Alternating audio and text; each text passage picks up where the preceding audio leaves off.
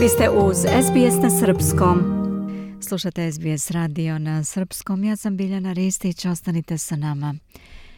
Premijer Antoni Albanizi je juče izjavio da traži pravni savet zbog saznanja da je njegov prethodnik Scott Morrison tokom svog mandata tajno položio zakletvu za brigu o nekoliko ministarskih resursa i optužio ga je da je predvodio vladu u senci. Generalni guverner je potvrdio ta imenovanja rekavši da su ona u skladu sa Ustavom, ali i političari i analitičari visoko podižu obrve na tu izjavu, piše Krišani Danđi za SBS News. Uz optužbe da je delovao u senci, na vidjelo su izašla i otkrića da je bivši premijer za vreme svog mandata preuzeo na sebe više uloga. Scott Morrison je tajno položio zakletvu za brigu o zdravstvenom i financijskom portfelju pred početak pandemije. Također je preuzeo i portfelj resursa kako bi okončao veliki gasni projekat. Sadašnji premijer Antoni Albanizi bio je oštar u svom odgovoru na te spoznaje. Australijanci su tokom predizborne kampanje znali da ja vodim ministarstvo u senci. Ono što nisu znali je da Scott Morrison vodi vladu u senci.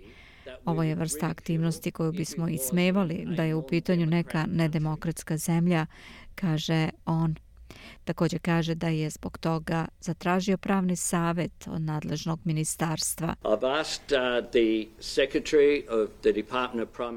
Pitao sam sekretara ministarstva premijera i premijerovog kabineta da traži savet od odgovarajućih ljudi, uključujući i generalnog advokata, o svim ovim pitanjima. Dobit ću kompletan briefing, rekao je on juče. Detalji tajnog preuzimanja portfelja financija i zdravstva su otkriveni u novoj knjizi Plugged, u kojoj se kao izvor navodi news.com. Također je objavljeno da je gospodin Morrison preuzeo kontrolu nad celim ministarstvom za industriju, nauku, energiju i resurse – Bivši zamjenik premijera Barnaby Joyce rekao je za Kanal 7 da je to loša praksa. Well, I found out about it and I disagree with it. I, I believe in a cabinet system of government. Saznao sam za to i ne slažem se sa tim. Verujem u kabinetski sistem vlade u kojem su ministri odgovorni za svoj portfelj. Ako vam se ne sviđa posao koji radi određeni ministar u kabinetu, Možete razgovarati sa njim o tome i očigledno imate pravo da zapretite da ćete ih otpustiti ili ih možete otpustiti, rekao je Joyce. Generalni guverner je potvrdio da se Morrison pred njim zakleo prilikom preuzimanja nekoliko portfelja, ali nije želeo da potvrdi o kojim je portfeljima reč. On je u izjavi za SBS rekao da su imenovanja bila u skladu sa Ustavom. Međutim, Stručnjak za ustavna pitanja na Univerzitetu Novog Južnog Velsa, profesor George Williams, kaže da je zabrinjavajuće što je to držano u tajnosti. Uh, u ovom trenutku nisam svestan da postoji bilo kakav snažan razlog da se to ne može uraditi.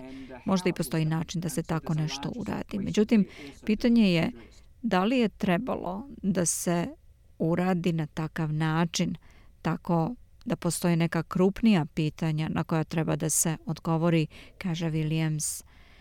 Još uvijek nije jasno da li je bivši premijer uticao na donošenje odluka u resoru financija ili zdravstva. Međutim, u portfelju resursa otkazao je projekat istraživanja vađenja nafte ispod morske površine, takozvani PEP-11, koji je ministar Kit Pitt želeo da odobri. On je tada rekao sljedeće. Uh, Vlada je prihvatila moju sobstvenu odluku. Prvi korak da zvanično odbije zahtev za dozvolu za izvoz nafte poznat kao PEP-11. Sam sam odlučio da donesem odluku kao premijer zašto sam ovlašćen. Projekat se nalazio na samo 50 km od centralne obale Novog Južnog Velsa, blizu sedišta liberala, za koje je postojala opasnost da ga izgube. Tada je bivši resorni ministar Kit Pitt govorio za SBS odbijajući da kritikuje svog kolegu. I'm not going to make a comment uh, on what the prime minister did or didn't do. Neću da komentarišem šta je premijer uradio ili nije uradio. Siguran sam da će to detaljno biti ispitano.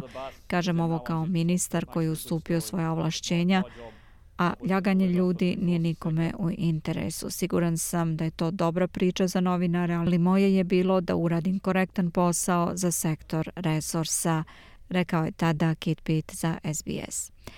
Nezavisna poslanica Sophie Scamps, koja je preotela jedno od tradicionalno liberalnih sedišta u Sidneju, rekla je za SBS da to govori o potrebi da se osnuje telo na saveznom nivou koje bi se bavilo integritetom vlade.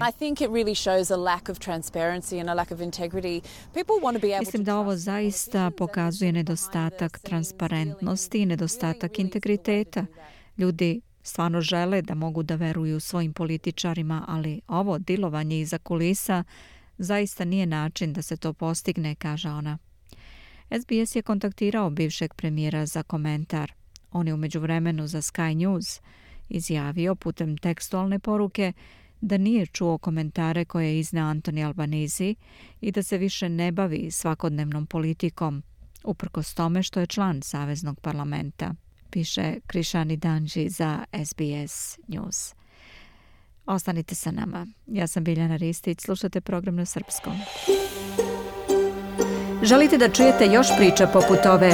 Slušajte nas na Apple Podcast, Google Podcast, Spotify ili odakle god slušate podcast.